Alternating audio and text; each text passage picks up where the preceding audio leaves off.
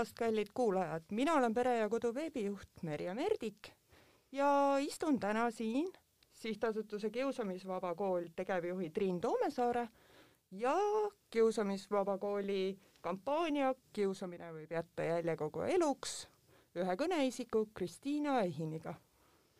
tere, tere.! no,! Kristiina, kuidas oled sina sattunud kiusamisteemalise kampaania eestkõnelejaks. mis seos on sinul kiusamisega um,? see muidugi on selline juhus ka omajagu, aga kui mul see ettepanek tehti, siis mu ikkagi süda ei lubanud jätta noh, aitamata nii palju, kui ma saan. et mulle noh, minu seosed kiusamisega on jäänud äh, õnneks kaugasse minevikku, kuigi nad ei unune vist iialgi. ja ma pärast neist ka pisut räägin, aga mul lihtsalt niimoodi torkav valu läbi südame, kui ma noh, kas tänaval näen või, või kasvõi mõnest loost loen ja siis ette kujutan mõnda last, noh, kes seisab kuskil koolinurga peal ja ta ei julge kooli minna ja ta on noh, kaugel sellest, et suuta seal õppida sest et ta lihtsalt nii kohutavalt kardab, ta süda peksab. noh, kõige hullemal juhul tal on veel enesetapumõtted peas. et see lõikab nagu noaga minu südamesse, et ma ei noh, suuda sellele mitte kaasa tunda ja ma leian, et riik ja ühiskond peaks kõiki viise kasutama, et püüda teda aidata. aga Triin, räägi, kuidas me saame kõike aidata? sedasama ükskõik last, kes kardab, kelle õpitulemused kannatavad selle all, Kristiina maalis siin päris detailse pildi, tõenäoliselt mingis etapis elus ka mina olen selliseid vaatepilte näinud ja äkki isegi ise tundnud ühel hetkel kiusamine ei alga kunagi juba nendest äh, või sellistest situatsioonidest, nagu Kristiina kirjeldas, et äh, need on mingis mõttes juba pika aja jooksul siis äh, välja kujunenud kiusamise suhe klassis, koolis tervikuna, kogukonnas, kus see laps siis lõpuks jõuab sinna seina äärde või nurka sellise tundega, et tal ei ole mitte kuhugi põgeneda. ja selleks, et, et ta jõuaks sinna on tegelikult kõigil võimalik väga palju ära teha. Äh, näiteks ähm, üks, mida teadlased äh, panevadki äh, ka kooliperedele südamele, on see, et kiusamine on grupisuhe. see, kuidas, millised normid klassis kehtivad, mida aktsepteeritakse, milline käitumine on tunnustatud, kas siis naeruga tunnustatud või tähelepanuga tunnustatud või millega iganes tunnustatud, see, see hakkab korduma ja kui on aktsepteeritud norm kellegi tõrjumine, tema kallal äh, nokkimine, asjade peitmine, lõhkumine, kuulujuttude levitamine, neid võimalusi praegu on ka küberkeskkonnas väga palju, kui see on aktsepteeritud, siis äh, see spiraal, see kiusamise suhe saabki äh, välja kujuneda ja, ja mida näiteks Kiva programmi kaudu me püüame ka kooliperedele siis õpetada just nimelt lastele, tulevastele põlvkondadele, on see, et kui sa näed, siis sinu käes selle grupi liikmena on tegelikult hästi oluline vastutus äh, midagi teha.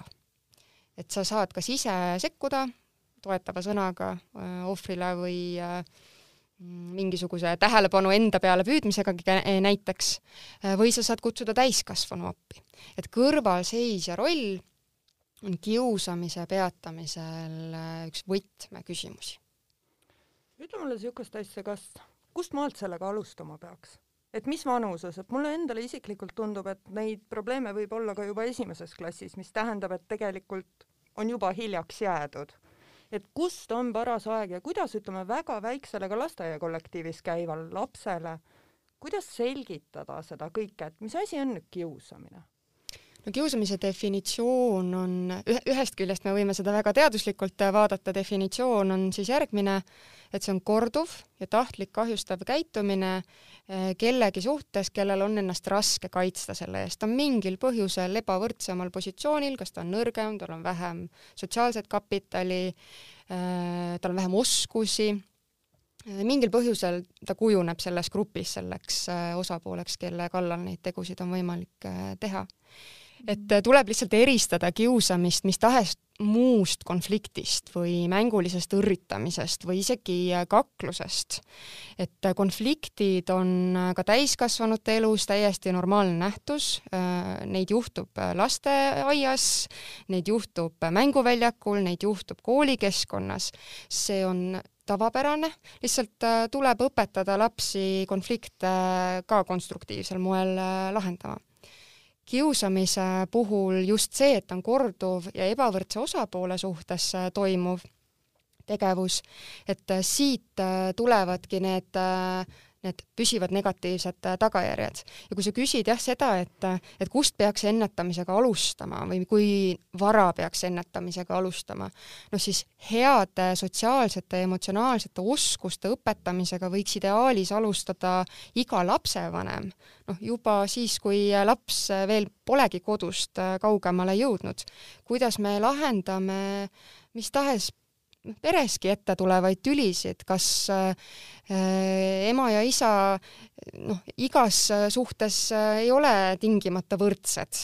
et äh, kas see, kuidas ema ja isa omavahel tülisid ja neid ebavõrdseid situatsioone lahendavad, kas see on lapsele eeskujuks või paneb kukalt kratsima tegelikult kõrvalvaataja ja ka lasteaia tasandil noh, juba ka tegeletakse selle sotsiaalsete emotsionaalsete oskuste õpetamisega, et kiusamisest võib-olla lihtsalt lapse arengu mõttes äh, on lasteaias veel vara rääkida, sest et tegelikult mm, ei tajuta sellist äh, kiusamist kui sellist, äh, et seda ei ole võimalik vaadelda kiusamisena, et siis enamasti veel ei osata välja valida seda ühte, et äh, on lapsi, kes ongi natukene noh, valivad need, neid ebakonstruktiivseid viise, kuidas tähelepanu saada või oma vajadused rahuldatud saada. aga tõepoolest, esimeses klassis juba võivad sellised kiusamissuhted tekkida, seda enam, et äh, noh, mitte igas kogukonnas ei ole võimalik minna oma lasteaiarühmaga samasse esimesse klassi. Et äh, uued inimesed, uued äh, olukorrad, uued normid, väga palju on harjumist äh, vaja saada. Ja Kiva programmis tegelikult juba esimeses klassis alustataksegi igaks juhuks siis otsast peale tunnete õppimisega kuidas ma aru saan, et kellelgi on hea olla või kellelgi on halb olla, mis on turvaline ja ebaturvaline käitumine, kuidas ma ise saan aru, et mul halb on olla näiteks. ja siis kuskil jõuludeks jõutakse kiusamise teemani, et just nimelt defineeritaksegi see ära, mis see on, millised need tagajärjed äh, ja mõjud võivad olla ja jõutakse selle kõrvalvaataja vastutuseni. ja tegelikult sellist ennetustööd peaks tegemagi regulaarselt, et see ei ole nii, et esimeses klassis räägid ära ja siis jääb eluks ajaks meelde vaadates meie täiskasvanute käitumist äh, viimaste aastate jooksul, siis äh, kohati on vaja ennetustunde nii mõneski institutsioonis korrata. see oli nii kõnekas, turvaline ja ebaturvaline käitumine minu jaoks, ma isegi võib-olla natuke laiendaksin seda mõistega turvaline ja ebaturvaline õhkkond. ja see on kindlasti midagi sellist, mis minu äh, lapsepõlves ja noorusajas üleüldse selline eristamine puudus. Ähm, ja, ja koolis kindlasti, et ja ma arvan, et ma noh, kogu elu olen noh, puudust tundnud selle järele, et ma suudaksin kas või enese jaoks ütelda, et kas see õhkkond minu jaoks on turvaline, kas, kas on midagi, mis teeb mind ärevaks ja rahutuks. et tegelikult ka sellest algab sellisest sisemisest kompassist, et kui palju ma julgen või tahan selles avatud olla või ma ise olla, et see on väga oluline näitaja. ja ma olen äh, oma tööga siis kirjaniku elukutsega ja nii-öelda hobi, hobi ja asjaarmastaja korras ka muusiku elukutsega seoses et äh, ma olen palju koolides käinud esinemas ja võib-olla just see minu lapsepõlve mõnevõrra ikkagi traumaatiline koolikogemus on mind pannud vaatama selle pilguga, et kas see kooli vaimne õppimisõhkkond on turvaline või ma isegi ei ütleks õppimisõhkkond, see ei ole tähtis. kõige tähtsam on, et see lihtsalt oleks turvaline õhkkond siis alles saab hakata see õppimisõhkkond tekkima. ja mõnikord ma nagu hoistan ära mingisuguse kolmanda meelega, et kas on või ei ole, kas ma tahaksin selles koolis õppida või mitte. ja kui ma tunnetan sellist kooli, kus ma tahaks õppida, ma mõnikord tunnen lausa joovastavat rõõmu. ma mõtlen, et tublid, et nad on suutnud nagu õppida ja sellest nõukaaja teinekord ikkagi väga pimedast ja, ja ebasõbralikust ajast välja tulla. ja kui ma tajun seda ebaturvalist õhkkonda, siis mu, mu süda jälle täitub hirmuga, mu süda hakkab kloppima, ma mõtlen, et, et vaesed lapsed ja ka õpetajad. aga see hirm tõenäoliselt sinus on seotud mingi su enda kogemusega kuskilt, mingi ebaturvalise hetkega. Püüa kirjeldada neid tundeid täna, kui sa oskad, eks ole, lahterdada juba kas või tagasi mõeldes turvalist ja ebaturvalist keskkonda, kus sa ennast tunned, sa ütlesid just, et sa tundsid puudust kunagi sellisest justkui liigitamisest, et äh, milline on üks turvaline keskkond?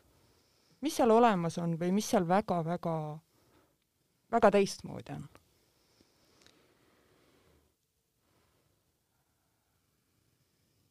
Alustan siis turvalise õhkkonna kirjeldusest, jah mm. -hmm inimesed hingavad kuidagi rahulikult. Nende silmavaade on selline mõnus, noh, nad julgevad isegi no haigutada, kui nad tahavad. Äh, nad, äh, nad ei, nende liiku, liigutused on kuidagi sujuvad, ei ole niisugust rapsimist ja närvitsemist nii väga. No see on see kehakeel, eks ju. ja siis küsimused, mis tulevad, on noh, heasoovlikud ja lugupidavad. et nad võivad olla ka hõrritavad teinekord, onju, aga see on nagu märk sellest, et nad tunnevad ennast, kõik tunnevad nii turvaliselt, et Vabalt. nad võivad ka mhm. natuke nagu üksteist togida. see on see ka, millest sa rääkisid ja ma tunnen, et meie nagu Läänemere soomlastena, äh, me põhjamaalastena, et meid on vaja natuke togida aga see õhkkond, et, et me üldse käivituksime, et me oma sellisest koorikust välja tuleksime, uimasusest mõnikord, et aga et see põhi peab olema nagu lõputult heasoovlik ja sõbralik. ja, ja siis muidugi alles kolmandaks ma tooksin välja selle, et, et küsimused, mida siis esitatakse, on noh, tõesti näha, et inimesed on uudishimulikud et see sihuke eluterve lapse uudishimu tuleb siis välja, kui need turvalisuse, turvalisuse tingimused on tagatud. sa julged olla sina ise, teha nalja enda üle. julged olla ka loll. just teha rumalusi, ulakusi, nii-öelda natukene ullikest mängida mm. ka ei karda eksida näiteks mm. -hmm. et äh, et see on ka üks asi, äh, et ku-, kuidas meie siis kivakoolide materjalides seesama turvaline, ebaturvaline teema ongi kajastatud, et kuidas sa saad aru, et olukord on selline või et olukord on teistmoodi ja see, mida Kristiina kirjeldas, äh, noh, kas või nende, nendel piltidel, mida me materjalides kasutame, on kehakeelega näidatud, et ebaturvalises olukorras äh, sa ei ole enesekindla poosiga mm. -hmm. et, et jah, vahel ma mõtlen, et no kui me kannaksime oma rinnal nagu merikarpi, et kummale poole me selle avause keerame, kas väljapoole või siis nagu enda rinna sissepoole. no see on tegelikult kogu aeg, igas seltskonnas saab seda nagu valida. ja me tavaliselt valime õigesti sisetunde järgi aga kindlasti noh, hea kool, kus me tahame vastu võtta teadmisi, mida me usaldame, mis võiksid tuua meile elus kasu. see on see, et meie rinna peal vaat see merikarp on niimoodi väljapoole kõrvaga kuulatamas, et mida nad tahavad meile öelda. aga niimoodi selle avatusega võib ka saada väga palju haiget ja selle tõttu see emotsionaalne keskkond peab olema hästi-hästi turvaline.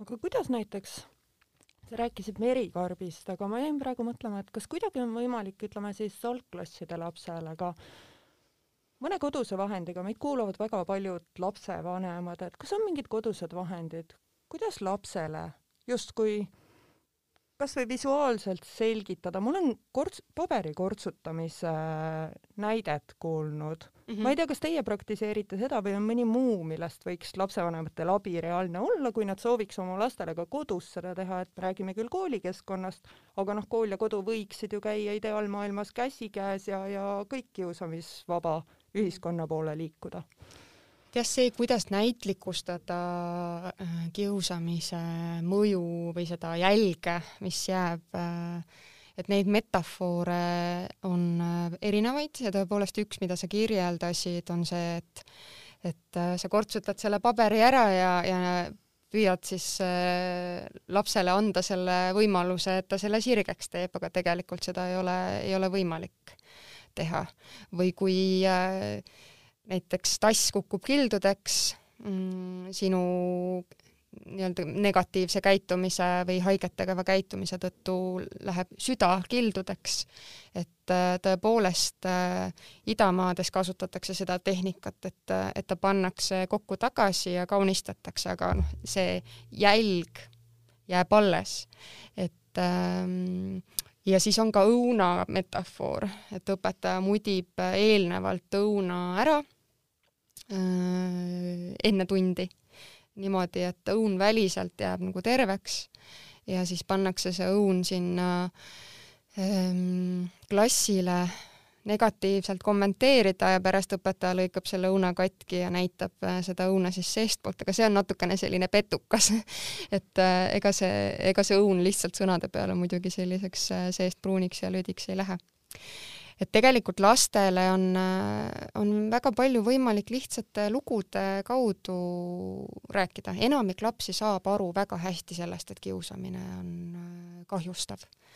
ja kui lihtsalt küsida, et mis sa arvad, kuidas inimene selles situatsioonis ennast tunneb või kuidas sina ennast selles olukorras tunneksid, siis ta tegelikult oskab, noh, koolilaps oskab ki kindlasti äh, seda selgitada, lihtsalt ähm, ta teeb seda enda sõnavaraga, mis tal parasjagu on.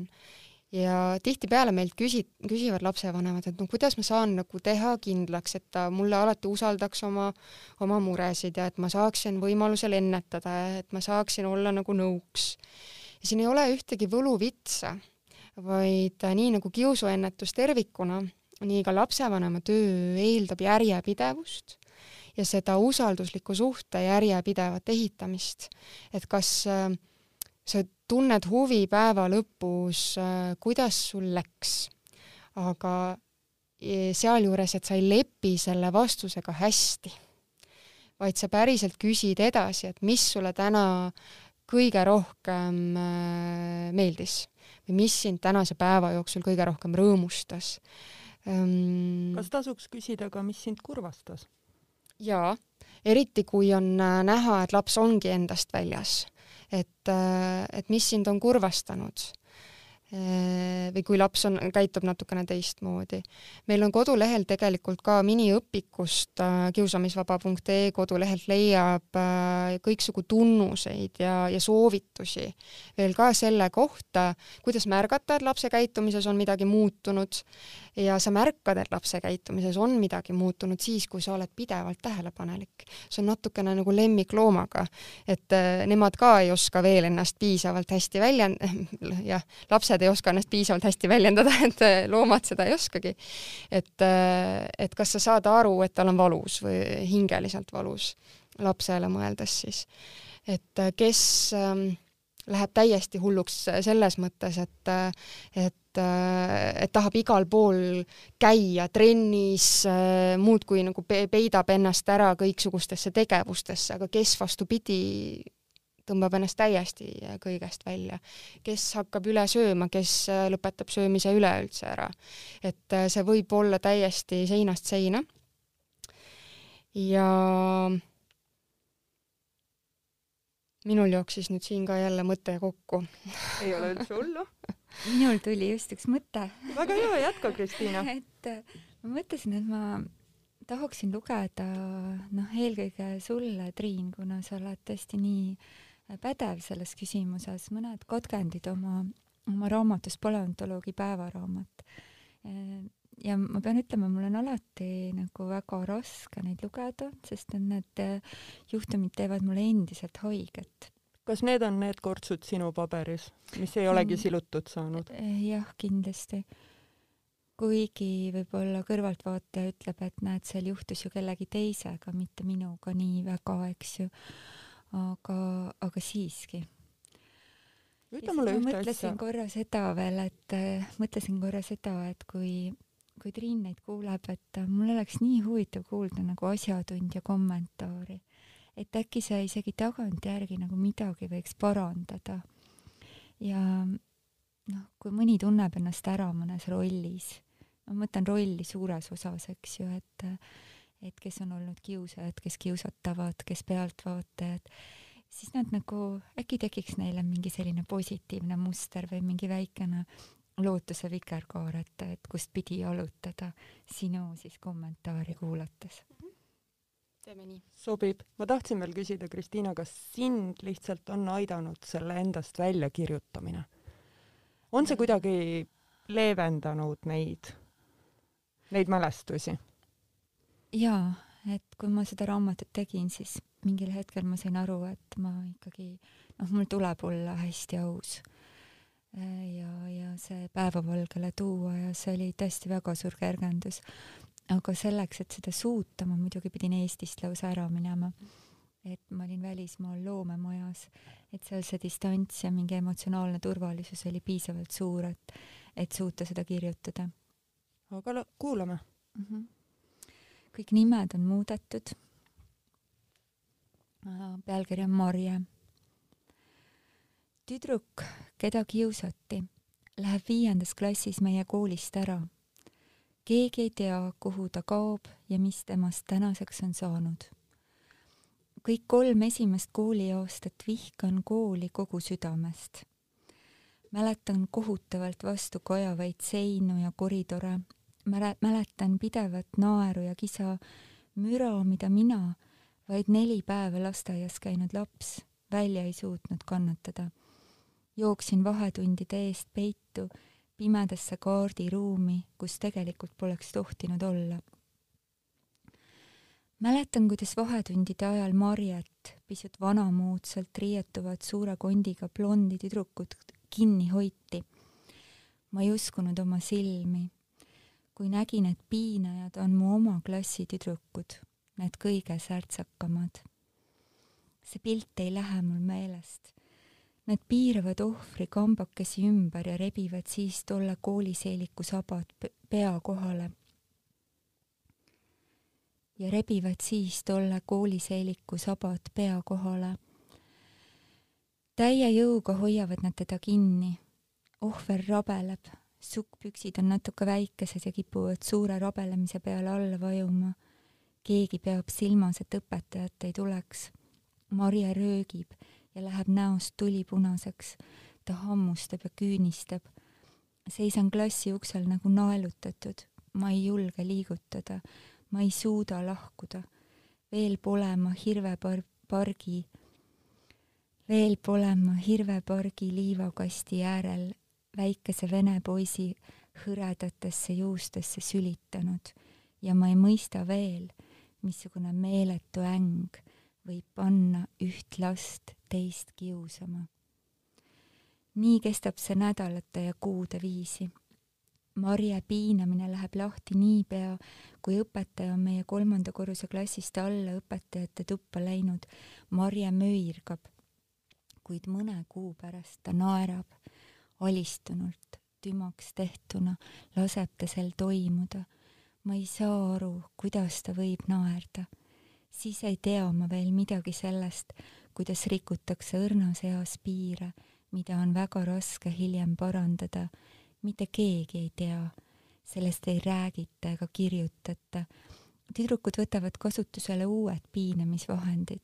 Nad rebivad ohvri seeliku üles ja kutsuvad siis kohale poisid Marje möirgab, jälle on piinajatel vahva.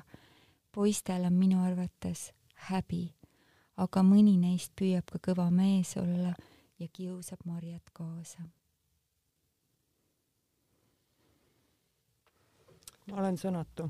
Triin, ma loodan, et sina leiad sõnad praegu. ma olen ka sõnatu, alati on raske selliseid lugusid äh, kuulda, neid välja mõelda on natukene lihtsam, äh, kui endal on näiteks äh, materjale vaja. aga, aga kui see on kellegi teise päris lugu, et siis on alati tekib selline samamoodi raskustunne südamesse ja, ja mõtled, et no kuidas nüüd ometi nii. ma pean ütlema, et mul tuli oma kooliajast seal algusega väga palju tuttavaid vaatepilte Tardunult klassi ukse alles tegelikult ette. et ei ole, ei kõla isegi väljamõeldult, vaid ongi päris lood ja neid on rohkem kui üks. Ehm, see, mida Kristiina ette luges, et ähm, see kõlab natuke nagu õpiku näide ka just nimelt äh, sellisest ähm, väga räigest äh, kiusamisest ja siin on väga palju niite, mida mööda seda arutelu isegi äh, jätkata.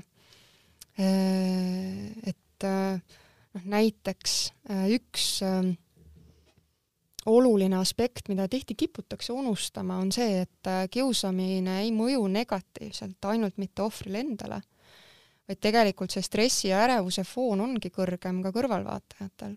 ja eriti nendel, kes ongi võib-olla empaatilisemad ja, ja tundlikumad ja samal ajal, kui nad ei oska või ei tea, mida teha või siis äh, ka varasemalt, ega õpetajadki ei teadnud väga hästi, mida teha või kas peaks midagi tegema.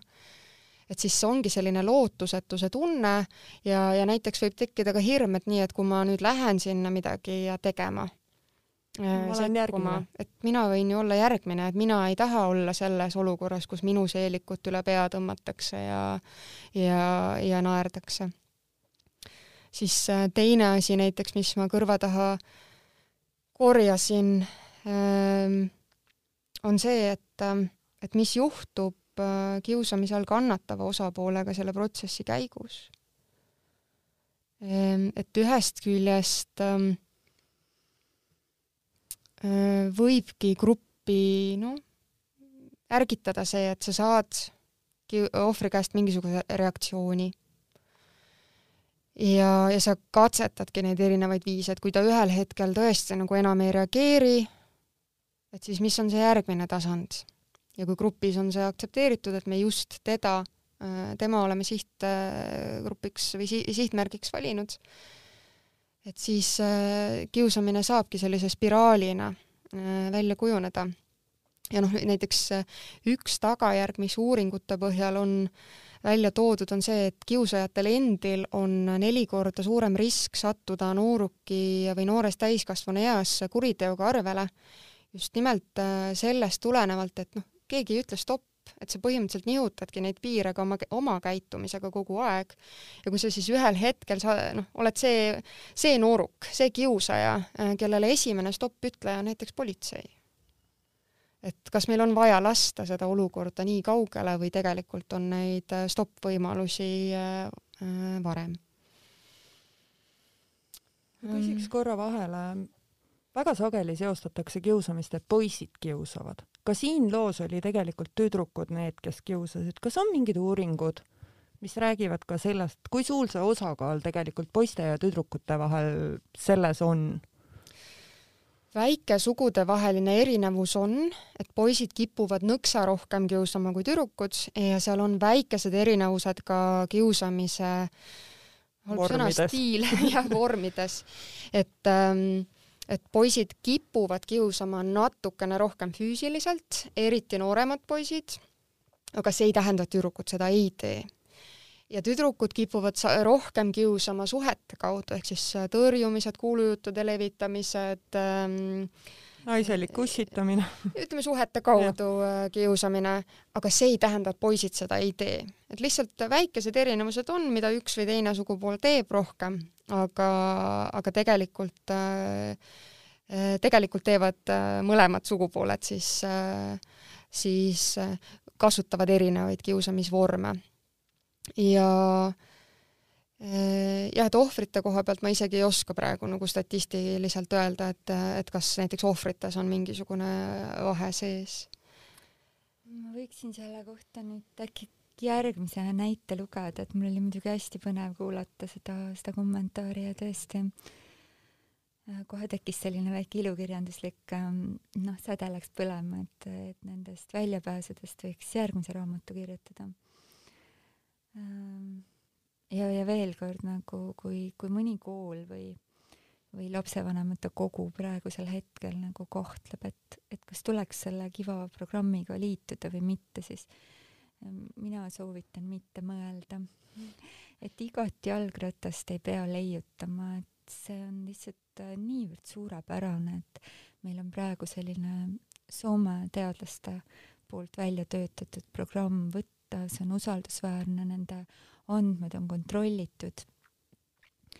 Ja, ja igal inimesel on sellest väga palju õppida, kool saab ühel päeval läbi, aga inimsuhteid tuleb meil äh,, tuleb meil nagu nendega edasi elada. osata hoida kogu elu mm. -hmm mul oli üks äh, kommentaar veel äh, sellele Marja loole, äh, et et olukordades, kus õpetajad võib-olla sageli alles märkavad on äh, just kiusamise ohvril visanud äh, kaane pealt maha.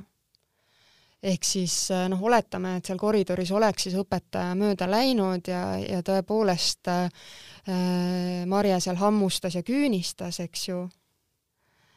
aga äh, et et see on see hetk, kus ta ei näinud mingisuguseid muid valikuvõimalusi. Ja see on mingi meeleheite uus tase juba ja, tegelikult aga kui õpetaja reageerib sellele vägivallaaktile, noh, issand, halb halb sõna, kui õpetaja reageerib sellele nii-öelda vägivaldsele püüdele iseennast kaitsta. Ja jätab tähelepanuta selle, kust see tegelikult tuli. Et siis äh, see on ohvrile äh, veel raskem äh, taluda, sest et siis on nagu kohe tööriist olemas, ahah, ta sai veel õpetaja käest ka noomida, järgmine kord püüame täpselt samamoodi selle, selle kaane talt pealt ära saada. Ja, ja see, et ta, ta ähm, aren-, see, see suhe arenes nii pikalt ja ohver ähm, hakkas naerma. see on, naer on üks väga levinud enesekaitsevõtteid. Et ma lihtsalt naeran selle üle. Ja siin on ka tihti täiskasvanutel, kes, kui me, kui me läheme kooli rääkima, et et noh, et iga viies Eesti kooliõpilane parasjagu õppeaasta jooksul kannatab kiusamise all ja, ja tihti on see vastus, et noh, et me ei näe, et meie koolis kiusamise probleemi oleks, et see on väga tüüpiline. tõepoolest, püütaksegi kiusamist väga teadlikult varjata, ka sellest loost tuli väga selgelt välja, et passiti peale, et õpetaja ei tuleks, on ju. aga kui ka õpetaja läheb mööda ja ta näeb, et aga sa ju naersid selle üle, et järelikult sul ei olnud mingisugust muret sellega. aga ta naeris enesekaitseks et, et hästi ettevaatlik tuleb olla, milliseid järeldusi täiskasvanud nendest situatsioonidest tegelikult teevad. tuleb enda, enda kooliajast lihtsalt paar tunnet täitsa sellega, mis sa just räägid, et äh, ma mäletan ebaõiglustunnet, kui õpetajad ei uskunud seda versiooni, mis sina rääkisid, miks need asjad juhtusid nii, nagu nad juhtusid see ebaõiglustunne, et mitte keegi sind ei usu, vot see surubki sinna seina äärde ja nurka ja sellesse hirmu, et ükskõik, mis juhtub, tegelikult siin ei ole kedagi, kes mind aitaks ja usuks.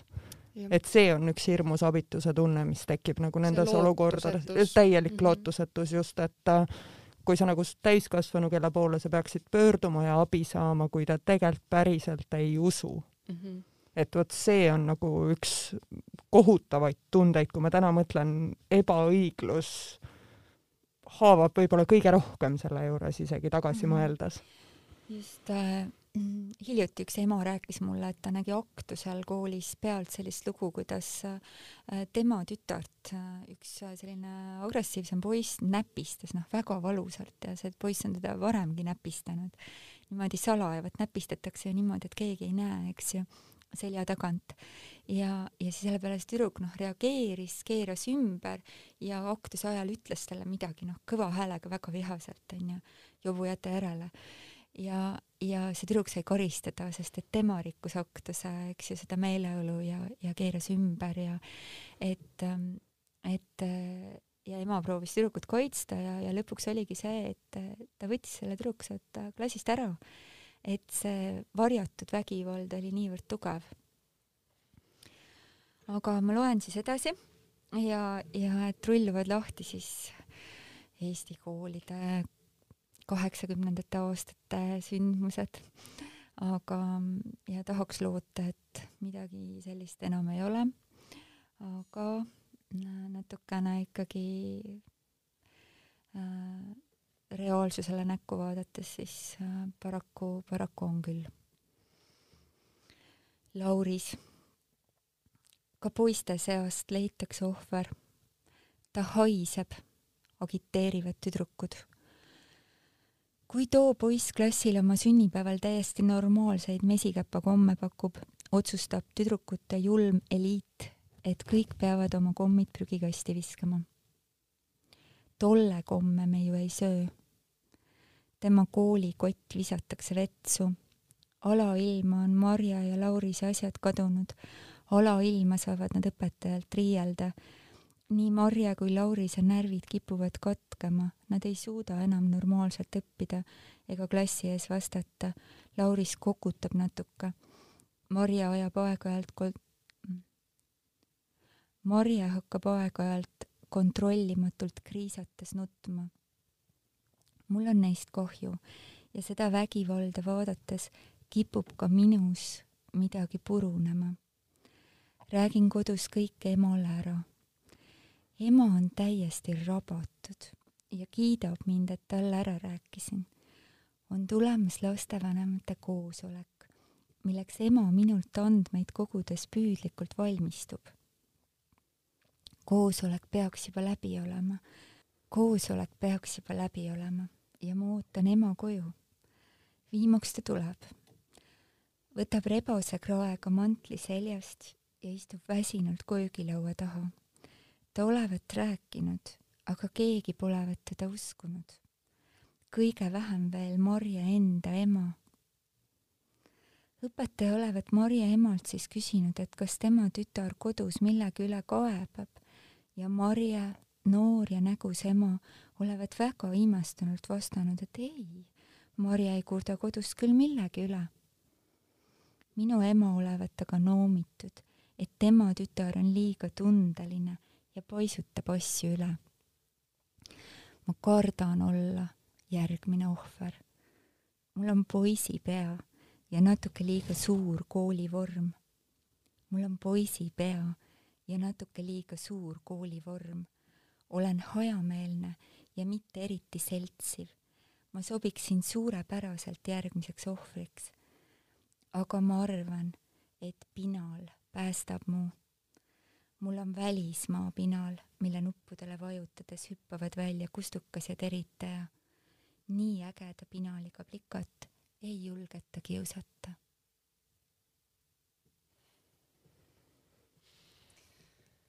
jälle siin on sellised ähm, õpiku näiteolukorrad et ähm, tõepoolest äh, väga paljud lapsed ei räägi oma kiusamise kogemustest mitte kellelegi. Äh, need põhjused võivad olla erinevad, on äh, lapsi, kes noh, lihtsalt ei usalda et sellest usalduse suhte, usaldava suhte loomisest äh, natukene rääkisime. Mm, on lapsi, kes ei saa alguses isegi aru, mis nendega toimub. noh, oli ühe korra, oli teist korda, nüüd on juba nagu kuu aega möödas, kuidas ma ikka nagu räägin sellest, et kannatan ära. äkki, äkki ma olengi imelik? jaa, äkki ma olengi teistmoodi võib-olla on kodus olnud juba ka sellist noh, müüti, mis veel jätkuvalt on jõus, mis ei tapa, teeb tugevamaks ja pane vastu, äkki sa oled ikkagi ise ka midagi teinud selleks, et sind kiusatakse. et kiusamist eh, ei ole mitte keegi mitte kunagi ära teeninud ja sellel ei ole mitte kunagi õigustust, isegi kui, ma ei tea, laps, õpetajad mõnikord ütlevad, et jah, ta päriselt haisebki aga isegi, kui see laps päriselt haiseb, siis kiusamine ei ole kunagi õigustatud ja täiskasvanud peavad võtma vastutuse selle eest, et aidata sellel lapsel jõuda selleni, et see nii-öelda hügieenimure kaoks näiteks ka ära, tema ei saa seda kontrollida, ta ei ole selles kuidagi ise süüdi.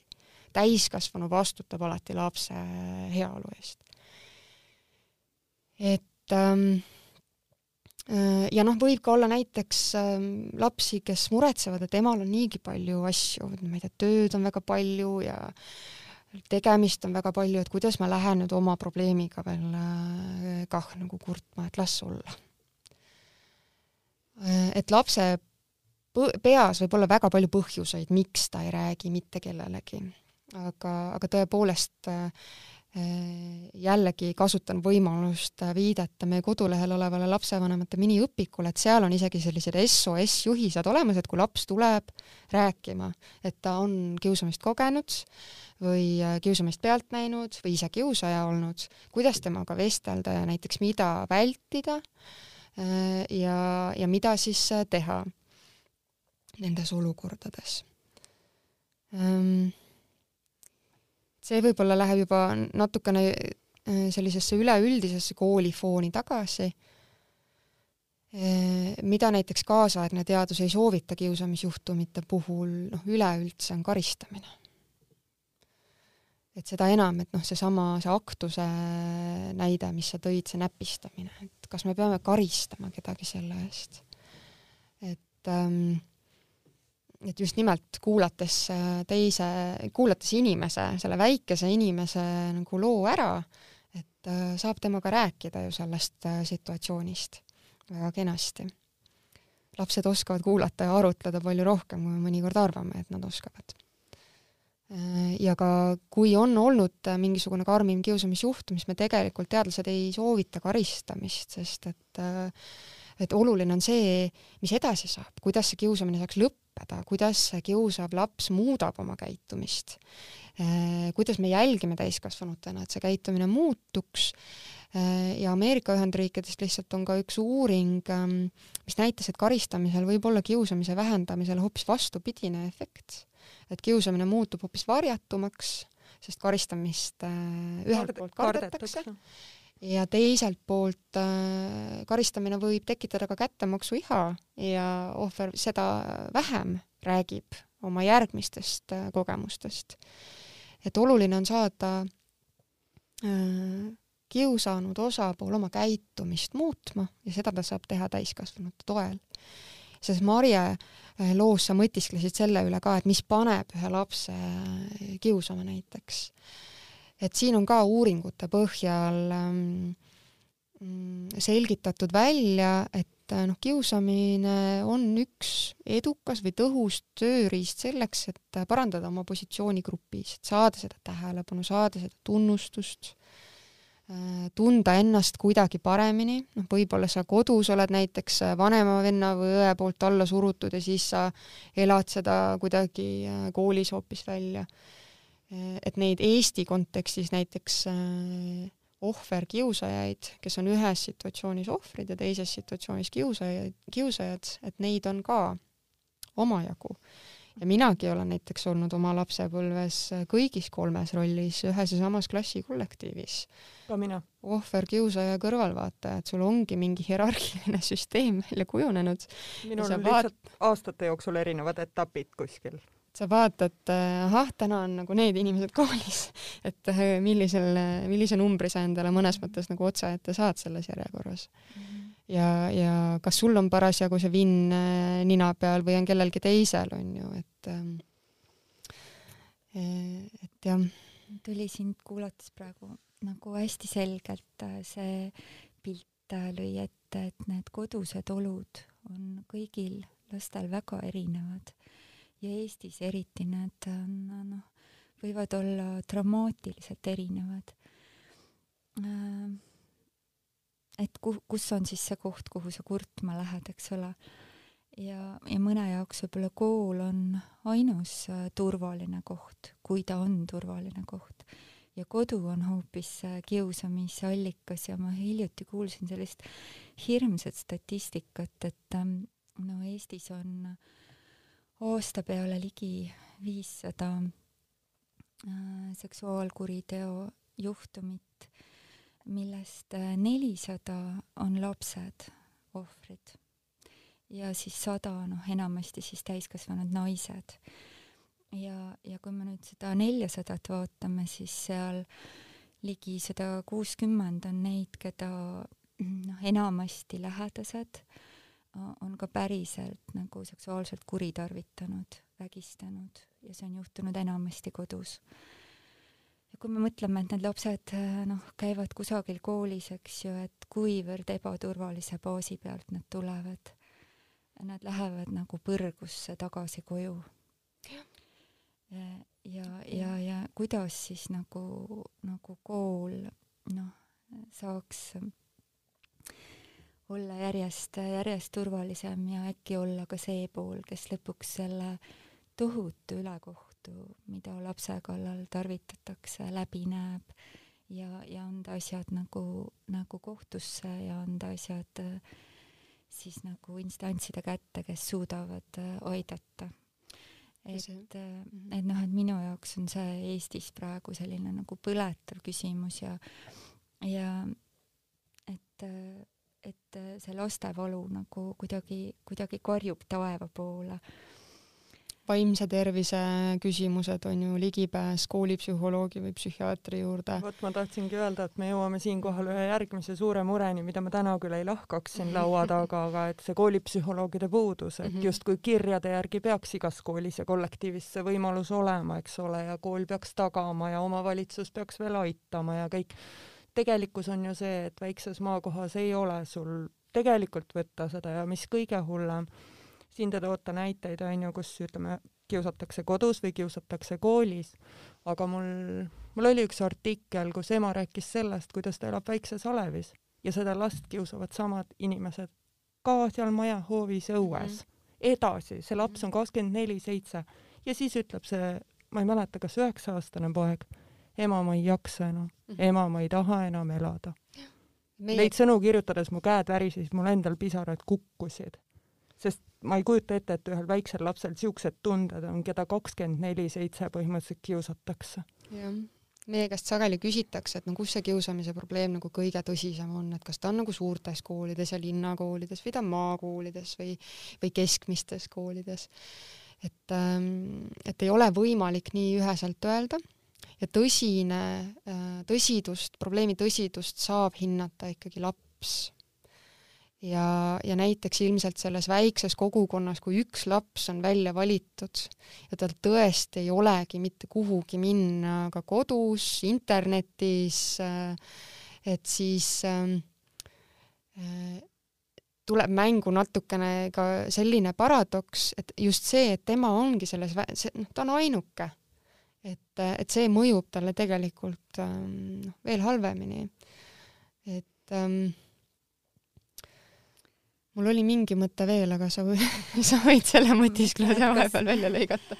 et kas ma tohiksin näitlikustada seda osa sinu jutust, kus sa ütlesid, äh, noh, rääkisid äh, sellest, kes kiusab ja seda, et teda ei tohiks esmajärjekorras koristada, vaid temaga tuleks rääkida. Et minu elu ainukene noh, selline tõsine füüsiline koristus seostub sellega, et ma kiusasin ühte poissi ja ma panin selle ka siia kirja, et kui tohib, ma loen selle ette. ja, ja see on mulle raske, aga aga ütleme üldise hüve nimel ma olen nõus ennast näiteks tooma. pealkiri on Hirm on aasta tuhat üheksasada kaheksakümmend neli aprillikuu vist. Ma sülitan Hirvepargi liivakastis ühele väiksele vene poisile pähe. teen seda mitu korda. kogun tatti terve suu täis ja siis sülitan, täpselt otse pähe. poisi hõredad musta värvi juuksed saavad päris märjaks ja ta ei julge millegipärast liigutadagi. ta pole mulle mitte midagi teinud mu õed ja tädilapsed itsitavad ja mulle meeldib olla nende ees julge. tee veel, sosistavad nad. Viimaks märkab seda poisi ema. mul hakkab tema pilgust äkki külm. terve suu läheb kuivaks ja hirm halvab mind. ma ei suuda liigutada. kuulen, kuidas mu, ta mu emale midagi vene keeles sisistab ja minu muidu nii hea ema muutub äkki kellekski teiseks. ta on vangivalvur ta haarab mul käest kinni, pigistab mu sõrved, sõrmed kõvasti kokku. mul on valus, lasen jalad rippu, aga seegi ei aita. Vägisi talutab ta mind treppidest alla, kivist karukujudest mööda Kapi tänavale, meie Tallinna korterisse. seal on hämar ja mu hirm järjest kasvab. ema on maruvihane ja äigab mulle puust riidepuuga mitu korda valusasti vastu reit. löömiskoht valutab, käsi, mida pidi ta mind talutas, valutab, siis lükkab ta minu nutust kõõksuva kaheksa-aastase tüdruku hämarasse tuppa, järele mõtlema kardinate vahelt paistab natuke punakat kevadpäeva valgust. tuba on rõske ja külm. tahaksin emale öelda, et mu hirm on selle maja suurune ja mu äng selle linna suurune ning mul oli paha ammu juba enne, kui ma sülitama hakkasin, et ma olin alla surutud koolis ja kodus, kõik olid minust suuremad ja siis ma sülitasin ja teised itsitasid ning see oli hea tunne. aga ma ei oska. olen veel liiga väike ja ema ei küsi. ta on ikka veel vangivalvur, ta on maruvihane ja tal on minu pärast häbi. ma juba kordan ennast, aga kõlab jälle nagu õpiku näide sellest, et ma arvan, et see lugu on, on hea näide lapsevanemale sellest, mida võib ka kiusav äh, osapool tunda. ja, ja kust tema seest see kiusamise tegu tuleb. minu soovitus on ähm, püüda mõelda nagu, püüda mõelda kiusamise algataja või kiusaja lapseks, kellel on ka mure. ja ta ei oska valida paremaid viise, kuidas seda muret väljendada ja kuidas seda enda seest välja saada see mure võib olla oma positsiooni pärast, see võibki olla seesama allasurutuse tunne või see äng, mida sa koolis tunned, sest teistele tehakse ja sealt sa õpid, näiteks Kristiina siis on, õppis ka neid viise, kuidas teha teisele liiga, et eeskujud äh, olid klassikaaslaste näitel ju täiesti olemas. ja kui suuta aidata lapsel mõista ka seda, kust tema seest see vajadus tuleb ja anda talle siis noh, Kristiina puhul see, ma saan aru, et sa seda vene poissi edaspidi enam ei, ei kohanud ja temaga nii ei, ei, ei käitunud. aga et saada siis see käitumine muutuma, sest kiusa, kiusaval lapsel on ka üsna keeruline iseseisvalt teha seda otsust, et nüüd ma enam ei kiusa, no kuidas sa teed selle otsuse, kui noh, klassikollektiiv on põhimõtteliselt aktsepteerinud seda et, äh, et noh, kasvõi sellesama loo näitel, äh, et sugulased, äh, kes seal ümber sul olid, ju naersid ja elasid kaasa, et kiusamise seda ägedam see võib ju tunduda ka just. järgmine kord proovida mujal. just, et, et kiusamise situatsioonis ongi kiusaja ohver vaikivad pealtvaatajad, aga siis on ka need kannustajad, kes sageli ongi kiusava lapse mm, sõbrad Äh, või siis äh, noh, mingil muul põhjusel nad ootavad ja otsivadki seda meelelahutust ja, ja kiusaja oma rollis võib-olla ei saa isegi aru, et ta on ka teiste jaoks mingis mõttes selline mängukann, see, kes julgeb teha, algatada, lõpule viia ja teistel on oo kui põnev äh, seda vaadata, mis ikkagi nagu juhtus ja ise oled turvaline, turvaliselt, sest et sulle keegi seda ei tee ehm,. väga väga ehe näide igatahes. aitäh sulle, Kristiina, et sa nii isiklikke lugusid oled valmis jagama. ütle mulle ühte asja, sa oled ka ise lapsevanem. kuidas sina ja kas sa oma lastele üldse kiusamisest oled rääkinud? oled sa lugenud neile neid samu lugusid või kuidagi lihtsustatult ka rääkinud neid, et, et rääkida kiusamisest?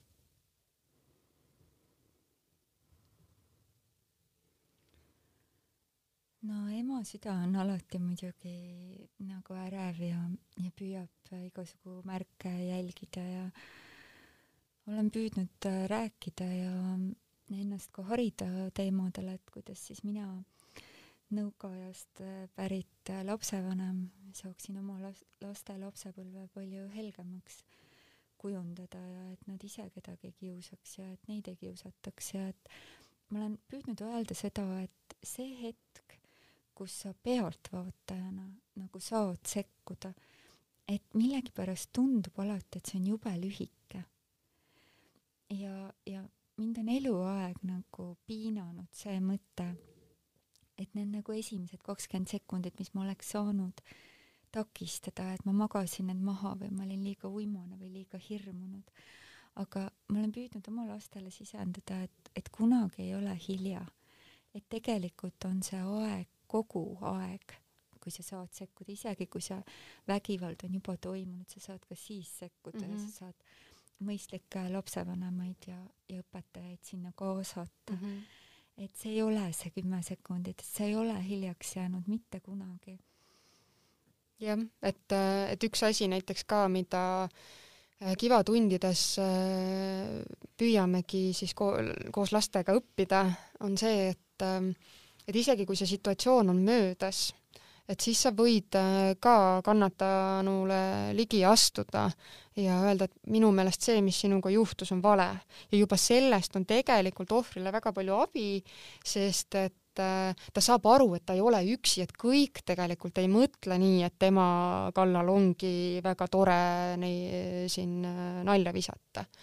Et ähm, ja, ja seda, seda ongi võimalik väga väikeste lastega juba harjutada, et kui sa näed, et kellelgi on halb olla, mis variandid on, et, et sa saad teha inimese oleku natukene paremaks.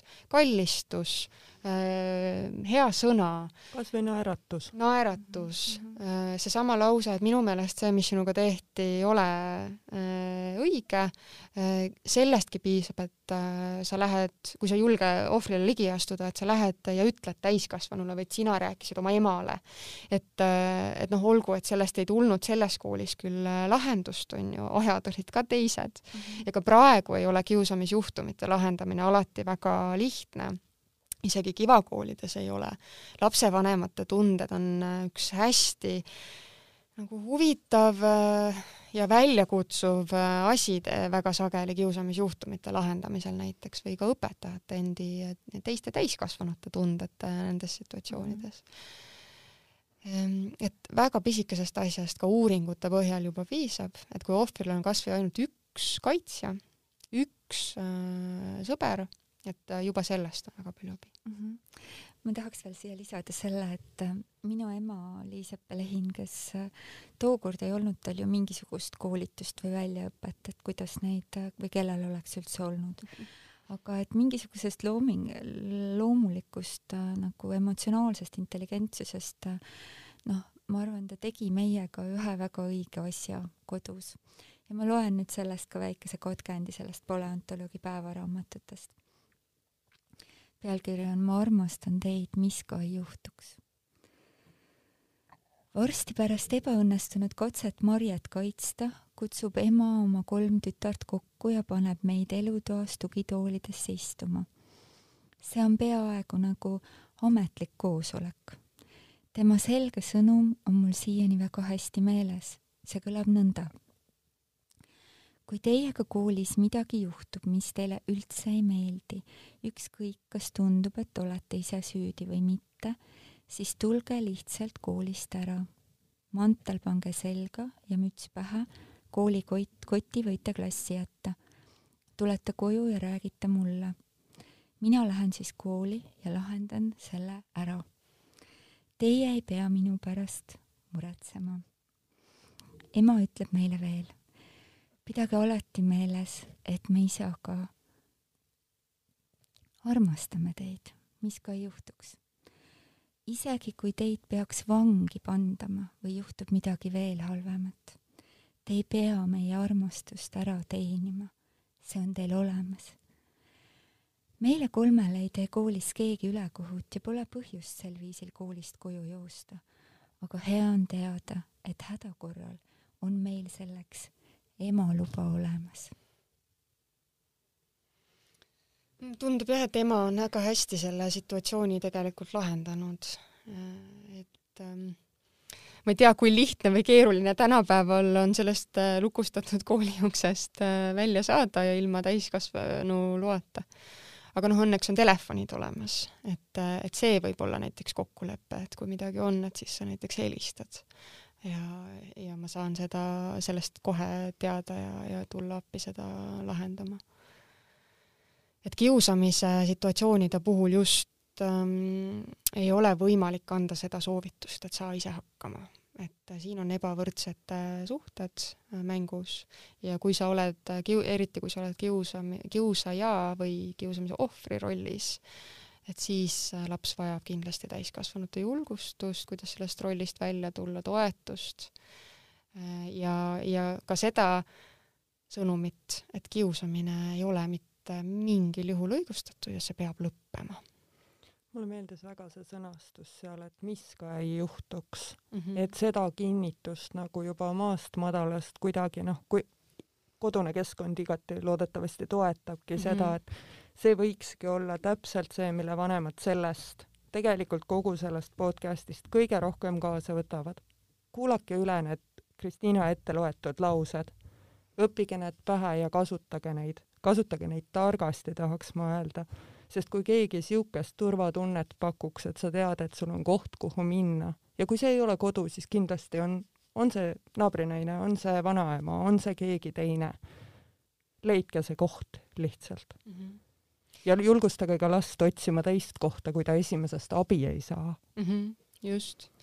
ja mina soovitaksin äh, lapsevanematele ka sellist kannatlikkust äh, ja empaatiat Äh, teiste laste, äh, kes teie lapsega siis kokku puutuvad ja nende vanemate suhtes. eriti praegusel perioodil, kus lapsed on olnud ka väga oma kodudesse sunnitud, me ei tea kunagi, milline see situatsioon teise lapse peres tegelikult on. ja äh, kes vähegi oskab harjutada minasõnumeid, peegeldamist, neid häid suhtlemisoskusi, hinnanguvaba suhtlust, et see juba tegelikult võtab ka nendes probleemsituatsioonides äh, väga palju ärevust maha ja on võimalik teise osapoolega rahumeelselt vestelda, on ta siis see õpetaja, kes ei usu, et su lapsel on äh, mure, või see lapsevanem, kes arvab, et su laps on enda äh, ise süüdi või mis iganes väljakutseid võib esile kerkida. et Eestis Kiva programm on nüüdseks juba olemas olnud, oh, me saime kaheksa-aastaseks aasta lõpus, et et me näeme seda, et meil on ühiskonnana, lapsevanematena, õpetajatena, koolispetsialistidena, täiskasvanutena veel väga pikk tee käia, et õppida kuulama last, et äh, õppida võtma tema muret tõsiselt, seda kiusamismuret tõsiselt. Ja ükskõik kui lihtne või äh, tühine see meie jaoks tundub, lapse jaoks on terve maailm see, et ta usaldas selle sulle. Ja sinu ülesanne täiskasvanuna on tegelikult siis äh, aidata tal jõuda mingisuguse rahuni ja lahenduseni selles situatsioonis, aga see võib võtta aega, nii et kannatlikkust ja empaatilist meelt. Mina tänan kõiki, kõiki siin laua taga nagu tegelikult minu jaoks väga huvitavat mõttelõnga veeretamast ja ja, ja tänan Triin sind nende kommentaaride eest, et need inspireerisid mind. ja tänan küsimuste eest. et võib-olla lõpusõnaks mina tahaks öelda seda, et kuulakem siis seda nagu oma kaelakeed või nagu ma alguses ütlesin, see merikarbikene meie rinnal, et et kas ta on nagu väljapoole avatud või ta on alati sinna sissepoole keeratud. ja see, see kompass on tegelikult no võib-olla isegi tundub, et on nagu liiga idealistlik mõelda, et, et otsime või, või suuname sinnapoole, et võiks olla noh, järjest rohkemates seltskondades ikkagi avatud et kui süda on avatud, siis on mõistus ka avatud ja siis me oleme õppimisvõimelised ja, ja loomisvõimelised siin elus. aga ma arvan, et see ei ole liiga utoopiline, et see sisemine kompass on meil kõigil olemas, hoidkem teda töökorras ja tehkem alati endast parim, et, et õhkkond oleks nii turvaline, et inimesed julgeksid ennast avada. aitäh sulle, Kristiina, aitäh, Triin! see oli Pere ja Kodu podcast, aitäh kuulamast!